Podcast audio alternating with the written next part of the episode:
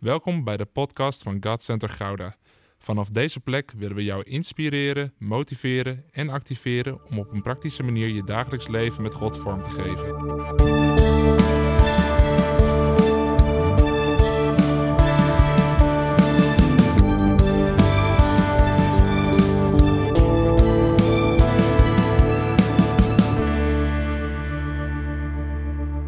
De, de verwachting stijgt. Voel je het? Ja, we gaan het hebben over verwachting en vertrouwen vandaag. Ja, verwachting en vertrouwen. Omdat het alles met elkaar te maken heeft. Soms preken we alleen over wow, vertrouwen of alleen over verwachting. Maar ze hebben ook alles met elkaar te maken, want zonder vertrouwen geen verwachting. Zonder geloof geen verwachting.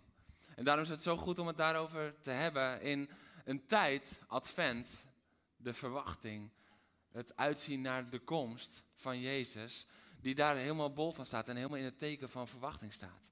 Want dat zijn de weken voor kerst.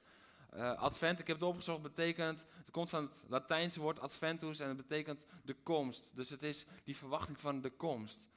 En wat zo mooi is, en dat is niet eens een bijbelse bron, maar gewoon een bron als Nederlanders zoeken, wat betekent advent? De adventsperiode, daar bereiden christenen zich voor. Op het kerstfeest wordt de geboorte van Jezus herdacht en zijn wederkomst verwacht. Dat is mooi hè, aan de adventsperiode. Dat het niet alleen het uitzien naar kindje Jezus die geboren wordt is, maar dat het ook de verwachting is van koning Jezus, van kindje Jezus naar koning Jezus, die zal terugkomen. En, en dat is ook dat stukje verwachting wat erin verborgen gaat. Dus als we naar kerst toe leven, dan mogen we altijd in die verwachting zijn. Weet je, soms hoor je dus christenen zeggen van, ja, ja kerst, dat vieren we elk jaar en het is elk jaar een beetje... Nee, want die verwachting, die is, als het goed is, levender weer dan vorig jaar. Het, het verwachten van de wederkomst van Jezus. En, en daar als kerk de, de urgentie van voelen. De urgentie voelen van, oh, we moeten het goede nieuws bekendmaken. We moeten ons, ons leven op het altaar leggen, zodat Hij ons kan gebruiken in de wereld. En we mogen kanalen zijn voor Zijn werk hier op aarde. En we verwachten Zijn komst, dus we zijn daar serieus mee bezig. En hoe prachtig is dat? En ik denk dat we allemaal wel verwachting kennen. Want als je bijvoorbeeld kaartjes hebt gekocht voor een voetbalwedstrijd, of je hebt kaartjes gekocht voor een musical waar je al zo lang heen wilt. Of misschien heb je de vakantie wel geboekt. Dan is daar een bepaalde verwachting. Je gaat er op een bepaalde manier naar uitkijken. Dat is wat er gebeurt. En, en als je er dan aan denkt, dan heb je een verwachting. En heel vaak wordt zo'n verwachting dan waargemaakt als het een geweldige musical is. Of het is een hele leuke wedstrijd, een heerlijke vakantie. Het kan ook tegenvallen. Daar heb je tv-programma's over, over bepaalde vakanties. Maar er is een bepaalde verwachting. En, en ik ontdek zo vaak dat die verwachting is altijd op de grote momenten. Dus misschien heb je voor kerstavond heb je wel heel veel verwachting. Maar ben je vanochtend zonder verwachting gekomen? Want zoiets groots, weet je wel, kerst, dat, dat staat, dat, daar zijn we op gericht. Dan zitten we vol verwachting, maar wat als elke dag een goede dag is om verwachting te hebben? Wat als ieder moment een goed moment is om vol verwachting te leven? Want als we vol verwachting gaan leven, dan zijn we continu afgestemd op wat God door ons heen wil doen, voor ons kan doen, met ons kan doen. Wat Hij kan doen in de wereld, door de kerk, om mensen te bereiken. Maar verwachting betekent dat we ergens naartoe gaan leven, dat we ons ook voorbereiden.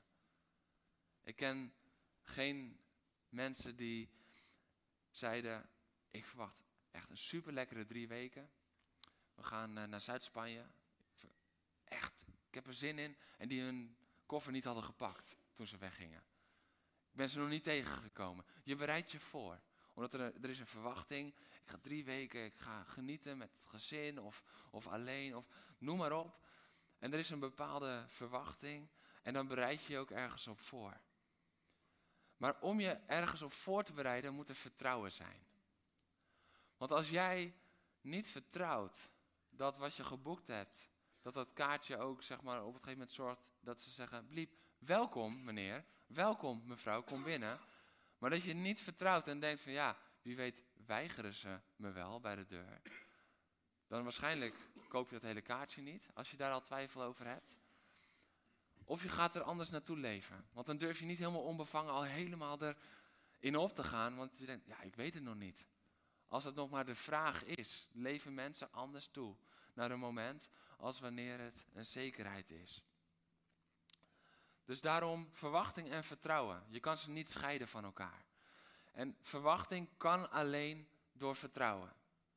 Als je geen vertrouwen hebt, dan gaat het altijd invloed hebben op verwachting. En zo, zo werkt het ook met God. Als we bepaalde verwachting hebben van God, dan is dat omdat we hem ergens in vertrouwen, ergens voor geloven.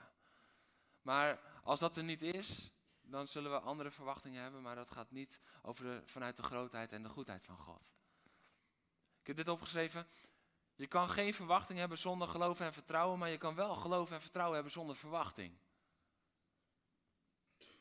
Want ik kan geloven in de God die geneest en toch volledig zonder verwachting dat dat gaat gebeuren in mijn leven komen.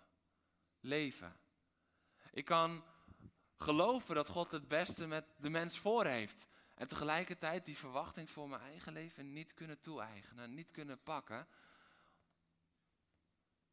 Dus je kan wel vertrouwen ergens op God, geloven in God, maar zonder de verwachting dat hij het ook echt persoonlijk voor jou heeft. En de mate van je verwachting ligt in de diepte van je vertrouwen.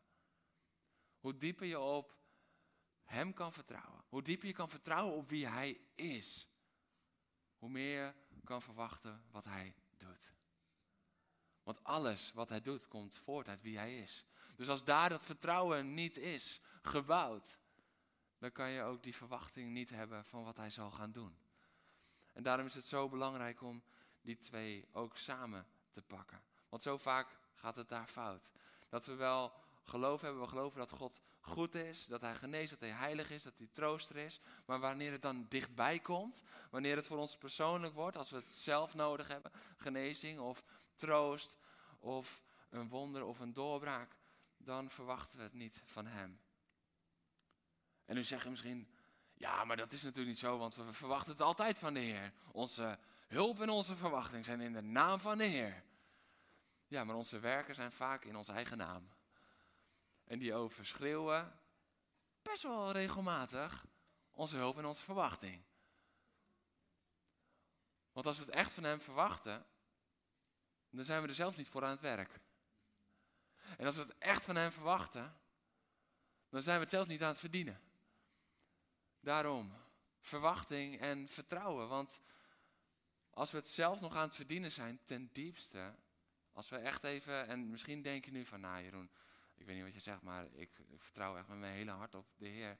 Maar als je echt nog een aantal lagen dieper durft te gaan in je eigen hart, omdat die verwachting er niet is, zal je erachter komen dat het vertrouwen er niet is. Want je kan alleen maar Gods liefde proberen te verdienen als je nog niet vertrouwt op het offer van Jezus. Want als je daaraan toevertrouwt, dan zal je nooit meer zijn liefde proberen te verdienen. Wat een verademing is dat. Wat zet dat vrij. Als je volledig vertrouwt op het vaderhart, het hart van de liefde. God is liefde zelf. Als je daar volledig op vertrouwt, dan is je verwachting daarin. Maar dan zal je niet nog proberen goed genoeg te worden vanuit eigen werken. En misschien denk je, ja, maar dat is menselijk, dat we dat al. Mm, ja, dat is het menselijke, dat klopt. Maar daarvoor is hij aan het kruis gegaan. Om het geestelijke te kunnen pakken. Om vrij te worden van dat menselijke. Want dat houdt je gevangen. Het houdt je in een kramp. Je kan niet opbloeien als je daar nog zit. Maar dat heeft dus alles te maken met het vertrouwen. Kan ik volledig vertrouwen op Hem? Kan ik mezelf helemaal overgeven aan Hem? En als we dan kijken naar het verhaal van Zacharias en Maria, dan zien we het verschil daarin. We zien het verschil niet alleen daarin in een stuk verwachting, want ze werden allebei werden ze overvallen als het ware door de aanwezigheid opeens van een engel. Dus je kan niet zeggen, ze hebben naar dit moment toe geleefd en ze hebben in de verwachting hebben ze het niet goed gedaan. Nee, in één keer stond die engel daar. Totaal onverwachts. Totaal, bam, in één keer. Alsof nu in één keer, boem, iemand voor je staat. Dus dat was niet een kwestie van ergens naartoe werken. Verwachting, gezond bouwen in ons hart. Nee, maar hier komt eigenlijk het vertrouwen aan de oppervlakte. En daarin zie je ook het verschil tussen wanneer we vertrouwen, welke verwachting we dan hebben, of als we nog niet vertrouwen, welke verwachting we dan hebben. Er is namelijk een verschil tussen Zacharias en Maria. Het verschil is overigens niet het werk van God. Want soms kunnen we dan kunnen we gaan oordelen. Hè? Ja, je hebt niet genoeg geloofd, dus daarom heeft God het niet gedaan. Nou, Johannes wordt geboren en Jezus wordt geboren. Ja. Dus elke prediking die zegt van jouw ongeloof maakt het onmogelijk voor God om te werken, die kan de prullenbak in. Geloven dat geloof belangrijk is en dat het ook soms als katalysator op Gods kracht werkt? Ja, want dat zijn ook de woorden van Jezus. Maar God kan dwars door ongeloof heen werken. God is groter dan ons ongeloof. Halleluja. Heerlijk. Hij is groter dan ons ongeloof. Dit is de God die we dienen. Want Zacharias geloofde God helemaal niet. Hij vertrouwde daarin niet op de woorden van de engel. Hij vertrouwde op het menselijke. Waar is onze verwachting? Nee, waar is ons vertrouwen in? Vertrouwen we op het geestelijke, op God of op het menselijke, het limiet? Want dat is wat er gebeurt. Zacharias, die vraagt alleen, maar hoe zal ik weten dat het waar is? Want hij gelooft het niet. Hij vertrouwt er niet op dat dat kan. Want hij is oud en zijn vrouw is oud. En, en dat, dat kan nu toch niet meer? Maar de engel zegt vanuit de hemel dat het zo is. Dus het is zo. En dan zien we niet dat God zegt, nou Zacharias, ik had op een andere reactie gehoopt. Ik ga naar een ander voor Johannes. Nee, zijn werk gaat door. Zijn werk gaat door. Tegelijkertijd zien we wel een verschil tussen Zacharias en Maria. Niet in de vervulling, maar wel de weg ernaartoe. Die was voor Maria een stukje anders. Voor Zacharias was het een tijd van stilte, want hij kon niet meer spreken. En daarin werd alles anders voor hem. Hij moest dingen opschrijven om te communiceren. Hij werd daar beperkt. En dat is dus wel zo, dat het gebrek aan vertrouwen en verwachting, dat kan ons beperken op de weg naar de vervulling. Maar Gods genade is groter, dus die vervulling komt wel. Die vervulling komt wel. Alleen de weg ernaartoe is een stuk ingewikkelder. Dat is wat, wat we daar zien gebeuren. Maar Gods genade is groter als onze twijfel. Het is zo belangrijk om daar gezond onderwezen over te worden. Anders denken we dat als iets niet gebeurd is, dan is mijn eigen schuld, want ik heb niet genoeg vertrouwd, ik heb niet genoeg geloofd. Vertrouwen en geloof, daar worden we toe opgeroepen. Dat is heel goed. Het is goed om daarin te investeren met elkaar, daaraan te bouwen met elkaar. Dat is ook een opdracht van God. Maar hij zegt niet dat als je niet vertrouwt, dat hij het niet zal doen. Want als hij het heeft gesproken, dan zal hij het doen. We zien het in het leven van Zacharias. Johannes wordt gewoon geboren. Maar Maria, die zegt iets heel anders. Maria zegt, oké, laat mij gebeuren. Laat mij gebeuren. Ik snap het niet. Ik, ik, het gaat me behoorlijk wat kosten. Maar laat mij maar gebeuren. En Maria stelt ook een andere vraag. Die vraagt niet, hoe zal ik weten dat het waar is? Die vraagt alleen, hoe zal het gebeuren? En daarin wijst ze eigenlijk nog op de trouwen aan God. Dus heeft vertrouwen in God, maar ook de trouwen aan God. Want ze daar ik geen gemeenschap heb met de man. Want ze was nog niet getrouwd. Dus dat is een hele oprechte vraag. En dat is ook de juiste vraag om aan God te stellen. De juiste vraag om aan God te stellen als hij iets zegt waarvan je denkt van wow, dit lag misschien wel buiten mijn verwachting. Dit lag buiten mijn comfortzone. Is niet hoe zal ik weten dat het waar is? Maar hoe zal het gebeuren? Ik snap het niet, Heer. Ik ben bereid. Want dat is de combinatie, hè? Ik ben bereid. Laat mij maar gebeuren. Maar hoe zal het gebeuren? Heer, bereid me voor. Ik, ik wil bereid zijn, maar zorg dat ik het goede kan doen. Zorg dat ik dat stukje mag inzien, zodat ik er gehoor aan kan geven. Dat is het hart van Maria. Daar was vertrouwen. Verwachting komt boven in situaties, maar vertrouwen heeft dat eigenlijk al lang bepaald. Wie kent de gouden oude? Stel mijn vertrouwen. Want in zijn hand ligt heel mijn levenslot. Hem heb ik lief, zijn vrede woont in mij. Zie naar hem op en ik weet hij. Laten we nog een keer zingen. Gewoon even met elkaar. Stel mijn vertrouwen op de Heer mijn God. Want in zijn hand ligt heel mijn levenslot. Hem heb ik lief, zijn vrede woont in mij. Zie naar hem op en ik weet hij is mij steeds nabij. Ja, ja. Halleluja. Zie naar hem op. Halleluja.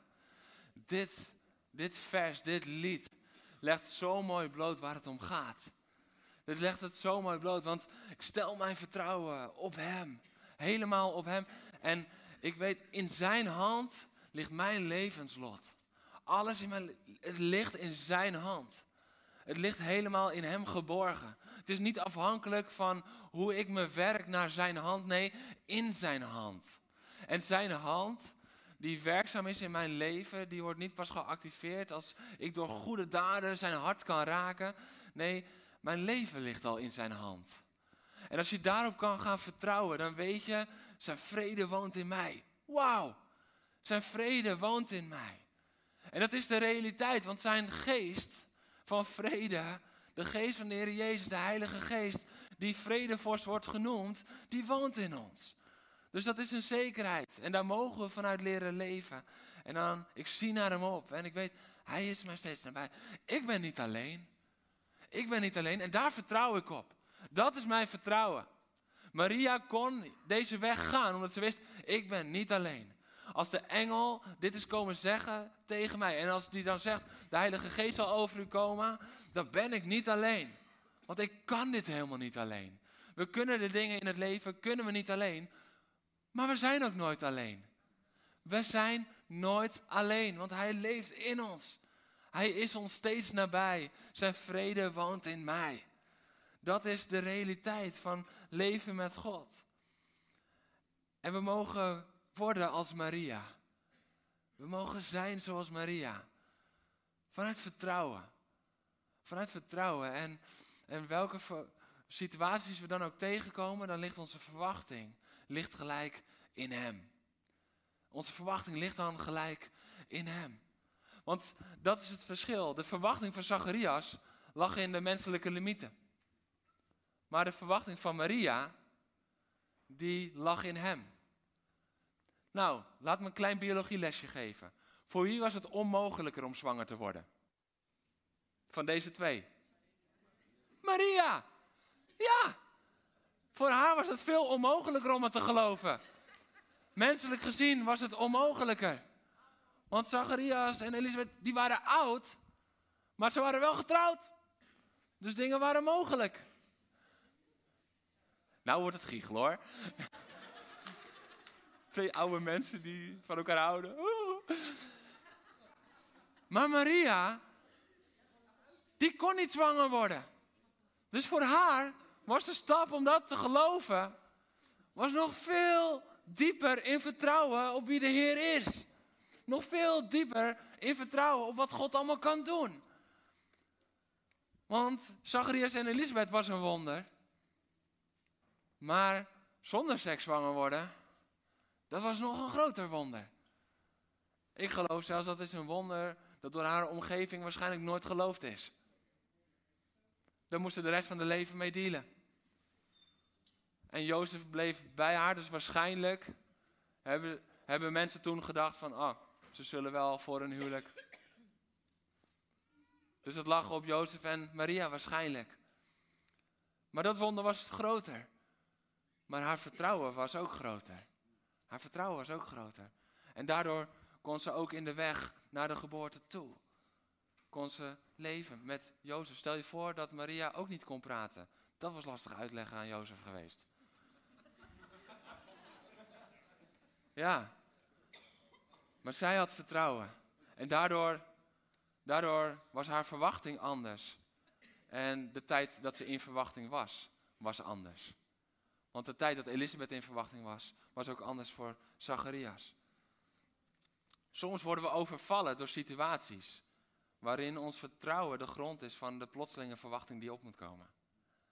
Weet je, we gaan het straks hebben over een stukje ook dat je mag voorbereiden door vertrouwen te bouwen. En dat we daarin verwachting op een juiste manier gaan, gaan doen oprijzen in ons hart. Maar soms worden we door situaties worden we overvallen. En de verwachting die dan in één keer opkomt, de bron daarvan is ons vertrouwen in God. Als in één keer alles anders loopt. Als in één keer alles even helemaal lijkt te schudden. Als in één keer een storm uitbreekt. Waar is onze verwachting dan in? Dat laat zien het vertrouwen dat we hebben in God. Je verwachting is in waar je vertrouwen op is. Je verwachting is in waar je vertrouwen op is. Dat is altijd zo in het leven. Dat is altijd zo in onze relatie met God. Is ons vertrouwen in dat facet van ons leven ook al in God, dan zal onze verwachting in Hem zijn. Maar is ons vertrouwen in dat facet van ons leven, en daarmee zeg ik niet dat je God niet vertrouwt, hè? maar we hebben allemaal delen en facetten in ons leven.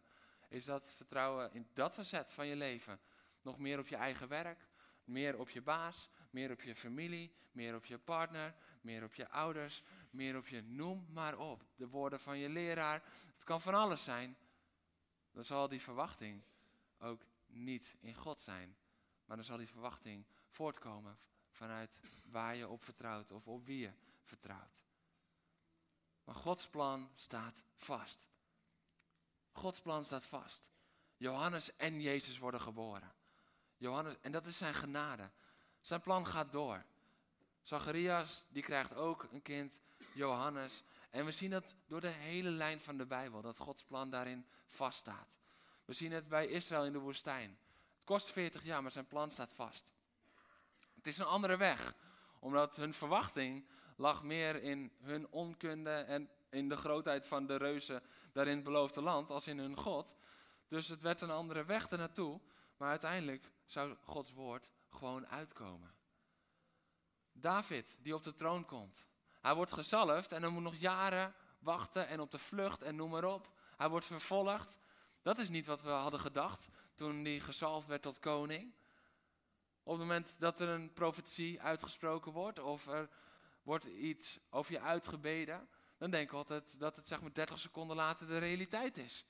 Nou, klein gesprekje met David en we begrijpen dat dat niet zo is.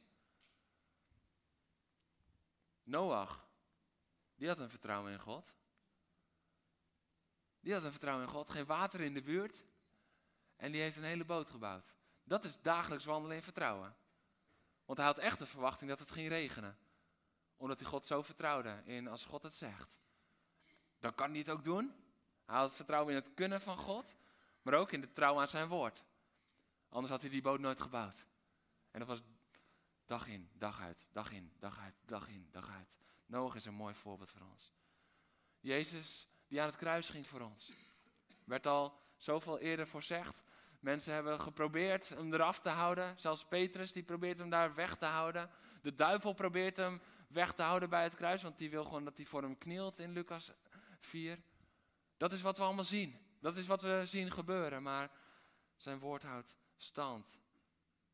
Ook de geboorte van de kerk. Als de discipelen nog steeds eigenlijk er niet van snappen. Dat lees je in, in eh, Handelingen 1. Vind ik, vind ik prachtig. Jezus heeft 40 dagen heeft hij onderwezen. En we weten dat hij sprak als een gezaghebbende. We weten dat hij een fenomenale leraar was. En alsnog snapten de discipelen het niet. Want dan vragen ze, oké, maar hoe, hoe zal het dan nu gaan met de Romeinen en de...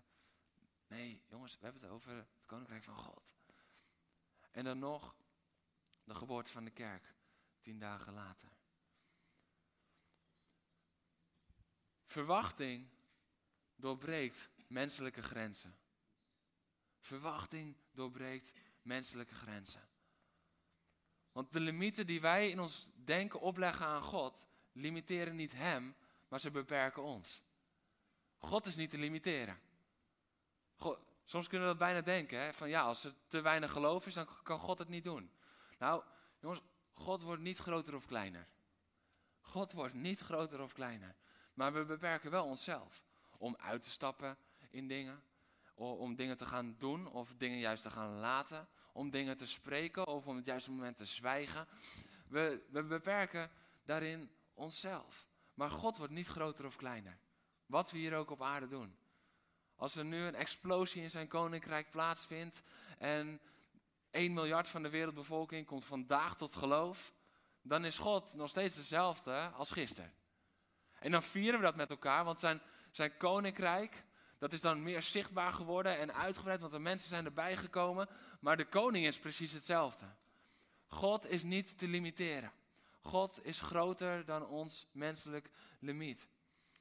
Maar de vraag is, hoe gaan wij om met onze verwachting? In Lucas 5 staat een prachtig verhaal van de verlamde man en de vier vrienden. En wat we dan zien, is wat echt verwachting doet. Diepe verwachting doet. Want deze vier en de verlamde hadden diepe verwachting. Want ze komen daar aan en ze, ze hebben op een soort brancard op, ze, op zijn bed, hebben ze meegenomen en dan zien ze van, oh man, Jezus staat daar en het is helemaal vol, het is hutje-mutje, je kan er niet meer bij. Wij komen er nooit meer door. In je eentje is het al onmogelijk, moet je nagaan als je met een brancard komt aanlopen. En iedereen is zo gefixeerd op Jezus, dat ze niet zien dat er achter hen iemand komt. En dat willen ze ook helemaal niet zien, want ze willen zo dicht mogelijk bij Jezus zijn, aan hem vastklampen. Dus ze zijn ook niet zo van, ach, weet je wat, ik doe even drie passen achteruit, dan kan jij. Nee, het is helemaal vol daar in dat huis. Is het herkenbaar?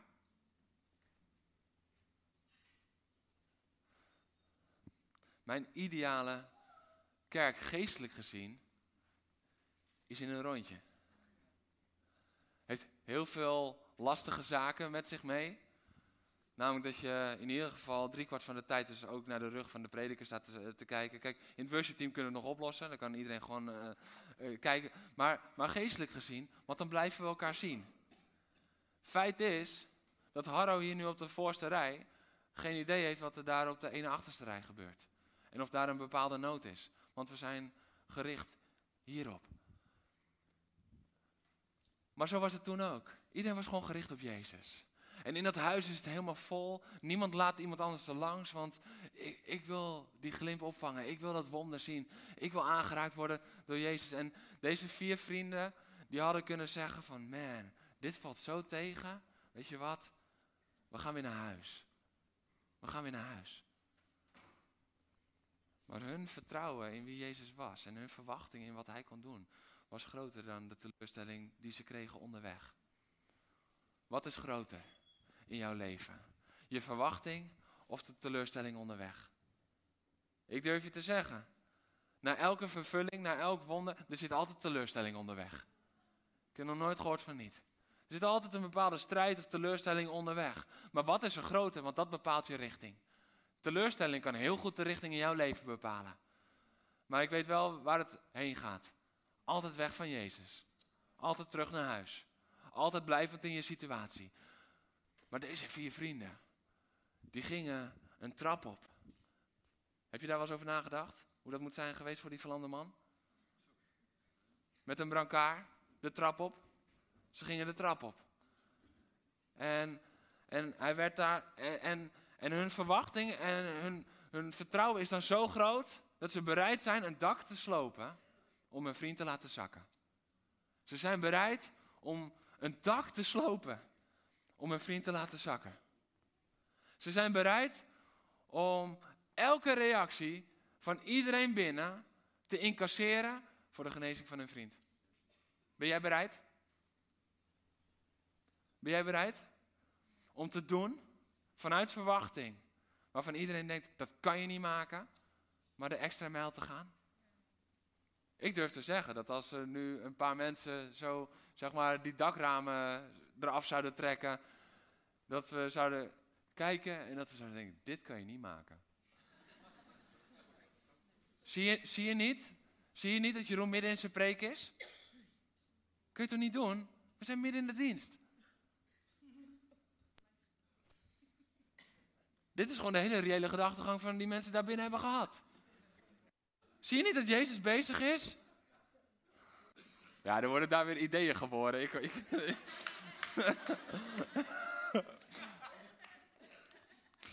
Gevaarlijke voorbeelden. Ja. Maar dit is ook wat er bij, bij, bij Jezus gebeurde. De, de, Jezus keek niet zo. Maar de mensen moeten hebben gedacht van, wat zijn zij aan het doen? Dit kan je toch niet maken? Het is niet jouw huis.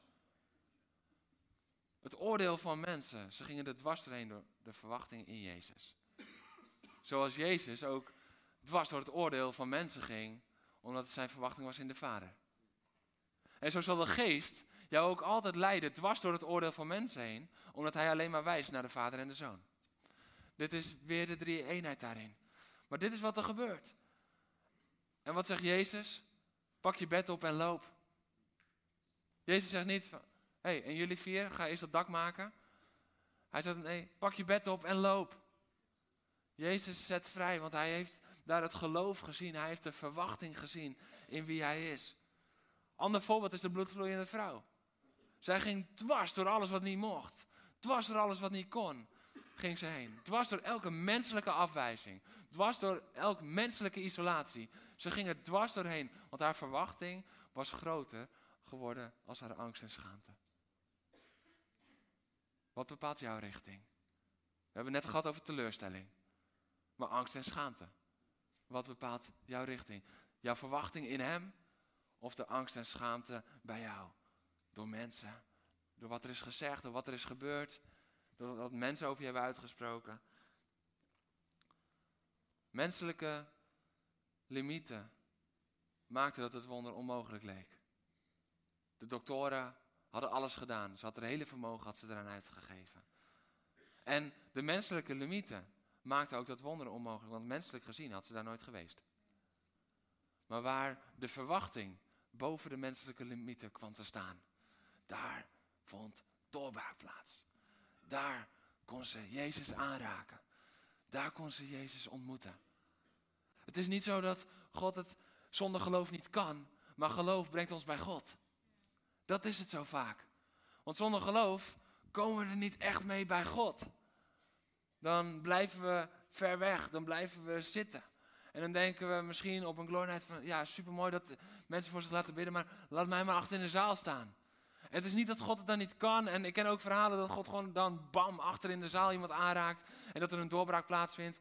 Dus we, we moeten niet in wetmatigheden denken. Maar wel in de lessen die we eruit kunnen leren. Dat op het moment dat zij zich had gehouden aan de menselijke limieten. En haar verwachting en vertrouwen was meer in het menselijke als in het goddelijke. In Christus. Dan had ze daar niet geweest. En dan was het wonder onmogelijk geweest. Maar haar verwachting was groter. Want de verwachting was in wie groter is. En wat staat er dan? Onmiddellijk stopte het bloeden en ze was genezen. Onmiddellijk stopte het bloeden. En Jezus voelt zo van die kracht stromen. Dat is wat er gebeurt. Elia op de berg Karmel. Elia die als enige profeet van de Heer is overgebleven, staat er. Hij was nog maar de enige. En menselijk gezien zou je wegblijven dan. Menselijk gezien zou je onderduiken. Want hij wist, iedereen wordt afgemaakt. En ook nog eens op zijn woord was het vrij droog in het land. Lange tijd. Jarenlang. Dus hij was niet de meest geliefde persoon. Zeker niet door de koning en de koningin. Hij geloofde en vertrouwde God dieper dan al die honderden Baal-dienaren bij elkaar. Hij vertrouwde en geloofde dieper. Want hij wist, mijn God. Mijn God. En hij gaat dan heel bewust over elk menselijk limiet. Want ze gaan dan offers brengen. En ze hebben afgesproken, de God die met vuur antwoordt, die zal Israël tot God zijn. En wat er dan gebeurt is dat hij de Baal-dienaren eerst laat. Hij zegt, jullie zijn met meer, jullie mogen voor. En dan op een gegeven moment zij gaan en ze gaan en ze, op een gegeven moment wordt het steeds erger. Je wil daar niet bij zijn geweest. Op een gegeven moment ze beginnen zichzelf te snijden, ze raken in trance. Is gewoon zo fout allemaal, wat daar gebeurt. En Elia begint ze te bespotten. Hé, misschien slaapt hij. Wat zou het zijn? Maar zijn verwachting in God was groter als de angst voor de menselijke dreiging. Want hij was bereid om daar te gaan. En hij zegt dan, als hij ze altijd aan het bouwen is, kom met water. Kom maar met water. Want laten we het menselijk gezien nog een stapje onmogelijker maken. Gooi het water er maar overheen. Gooi het water er maar overheen. Dus dat hele altaar en het hele offer zeiknat. Doordrenkt van water, helemaal nat. En dan antwoordt God met vuur uit de hemel. Dan antwoordt God met vuur uit de hemel. En dan staat er, alle Israëlieten zagen het en allen wierpen zich voorover op de grond en riepen, de Heer is God, de Heer is God. Waar de verwachting, de menselijke limieten, gaat overwinnen. Waar de verwachting groter wordt als de menselijke limieten, heeft dat niet alleen effect op ons eigen leven. Maar dan zal het volk eromheen weer kunnen roepen, de Heer is God, de Heer is God. Als er een gebedslast is, de laatste maanden om mijn hart, is, is dat dit weer gaat gebeuren in Nederland. Dat mensen gewoon niet anders kunnen als uitroepen, de Heer is God. Ik, ik snap er helemaal niks van, ik ken hem nog niet eens, maar dit is het werk van de Heer. De Heer is God. En ik had zoveel goden in mijn leven waar ik me aan optrok. En misschien was ik zelf al mijn grootste afgod, maar de Heer is God. Dat mensen op straat het niet meer kunnen ontkennen, omdat wonderen en tekenen gebeuren op de straten. Dat als het ware dat deze plek niet alleen voor hier binnen tot zegen is als mensen binnenkomen, maar dat mensen gewoon getrokken worden. Dat ze God zo meemaken dat ze niet anders kunnen als uitroepen: De Heer is God. Dat is mijn gebed voor kerstavond. Mijn gebed voor kerstavond is echt dat we allemaal iemand mee gaan nemen. Zodat we dit kunnen gaan horen, dat mensen uitspreken: De Heer is God. De Heer is God. Mijn leven was zo ingewikkeld, maar de Heer is God en dat maakt het een stuk minder ingewikkeld. De Heer is God.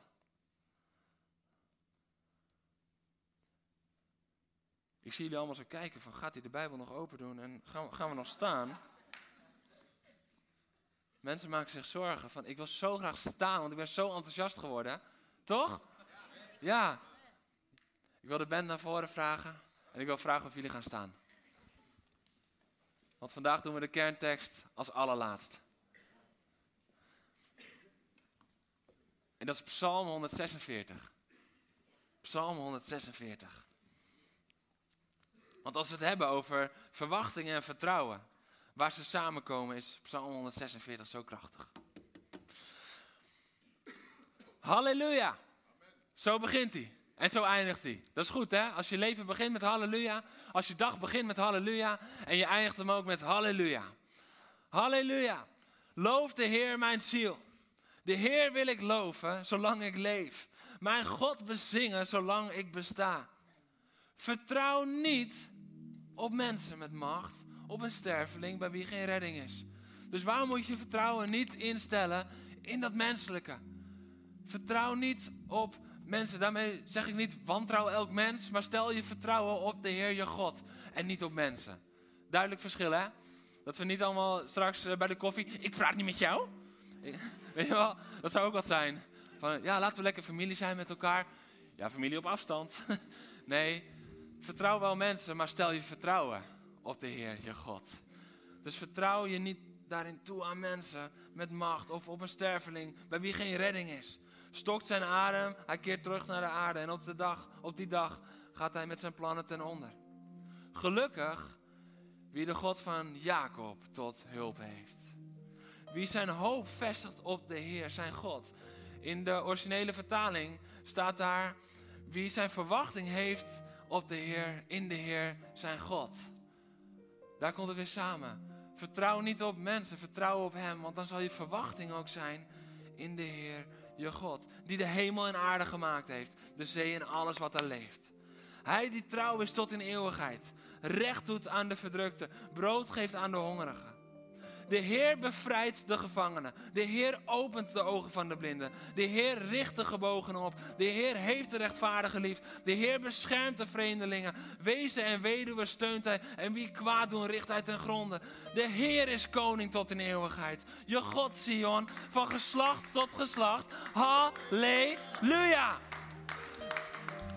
De Heer. De Heer. In wie is ons vertrouwen? In de Heer. Want dan zullen we zien dat Hij dit doet. Niemand anders kan dit. Niemand anders zal dat kunnen doen in jouw leven. Niemand anders zal dat kunnen doen in het leven van misschien wel dat familielid. Misschien wel die vriend of die buurman of die buurvrouw, die collega. Niemand, want het is de Heer die bevrijdt, de Heer die opent, de Heer die richt, de Heer die beschermt, de Heer die lief heeft, de Heer die ondersteunt, de Heer die ten gronde richt. De Heer is koning. Dit is de realiteit van het evangelie. Dit is de realiteit van wie God is. In zijn volheid, in zijn drie-eenheid. De Heer. De Heer is zo. Op wie stel jij je vertrouwen? In wie is jouw verwachting? Is het in menselijke zaken, zoals Zacharias? Of is het in de hemelse zaken, zoals Maria? Is het in je eigen kennis, omdat je vindt dat je zo wijs bent? Of is het in zijn almacht, omdat hij de wijsheid is? Is het in je eigen kunde, omdat je vindt dat je zelf zo sterk bent? Of is het in zijn hand, want het is zijn hand die redt? Is het in je eigen kunnen, je eigen verdienen, in je eigen. Vul het maar in. Misschien is je vertrouwen of je verwachting wel in je bankrekening. Of is het in degene die hemel en aarde in zijn hand houdt? Die jouw leven in zijn hand houdt. Dit is de God die redt. Dit is Psalm 146. Dit is de Heer. Dit is de Heer wie we vol ontzag mogen naderen. Maar waarbij ons ontzag voor Hem geen afstand creëert, maar nabijheid tot doel heeft. Want wauw, Hij is koning. Wauw, en we kunnen Hem niet vatten daarin. En tegelijkertijd is die papa, Abba, vader. En mag je bij Hem op schoot zitten. Weet je, je mag op hetzelfde moment mag je voor Hem knielen in eerbied. En bij Hem op schoot zitten als kind. Dit is de Heer. In wie is jouw verwachting? In wie is jouw vertrouwen?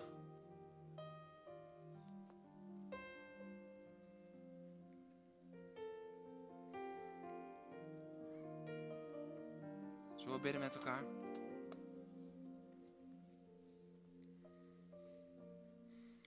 Want Heer, we willen vanochtend gewoon komen zoals we zijn.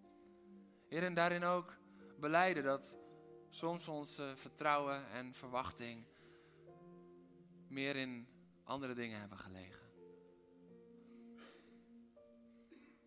Meer in ons eigen werk, ons eigen kunnen of misschien wel afhankelijk van mensen.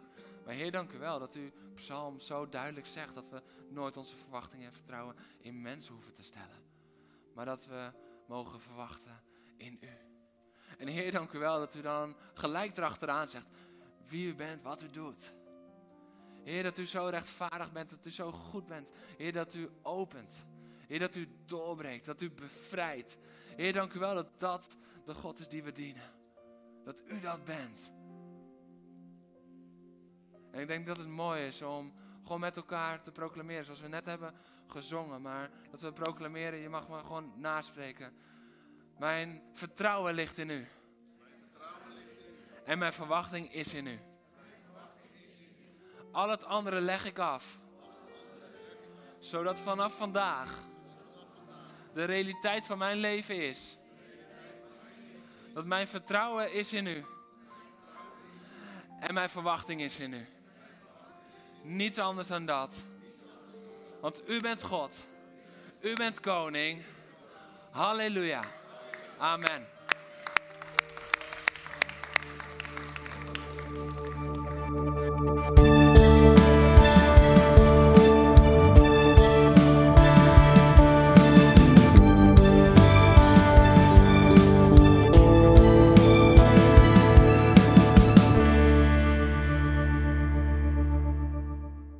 Bedankt voor het luisteren naar deze podcast. Volg ons op onze kanalen om verbonden te blijven. Heeft deze aflevering jou geraakt? Deel dan op je socials en tag ons, zodat we samen meer mensen kunnen bereiken.